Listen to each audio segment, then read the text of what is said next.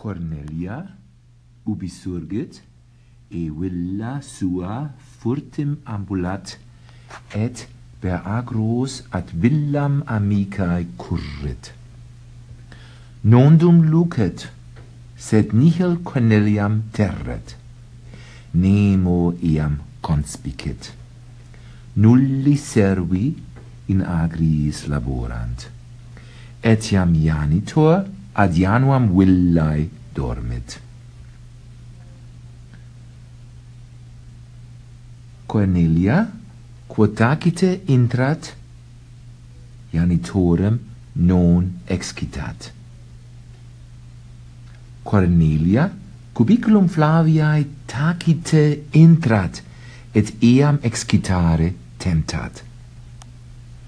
Ad hoc dormit Flavia, Iterum temptat Cornelia. Flavia, semisomna, quis es? Cur me vexas? Cornelia respondet, Sum Cornelia, surge! Flavia surgit. Laeta Cornelia me scipit, et clamat, Quid tu hic? Cornelia, Tace, Flavia, noli servos excitare. Veni tacite mecum in agros. Ibi nemo nos audire potest. Cornelia Flaviam furtim e villa in agros ducet. Ubi puellae ad arbores adveniunt, Cornelia misera sum inquit, quod ego et Marcus et Sextus et Pater et Mater Romam hodie redire paramus.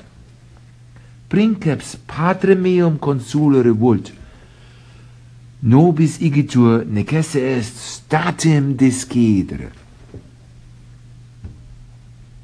Flavia clamat, Cur statim, Cornelia, quae non pater tuus discedet solus, Quo vos omnes simul disceditis. Respondet Cornelia, Nescio, Flavia, sed nobis secunda hora discedere necesse est. Flavia lacrimat, O me miseram, vos omnes Romam redites, mihi necesse est hig maniere. Vale, Cornelia, multas epistolas ad me mitte promittis, ne? Cornelia, ego promitto, et iam vale Cornelia Flaviam complexu tenet, et lacrimans abit.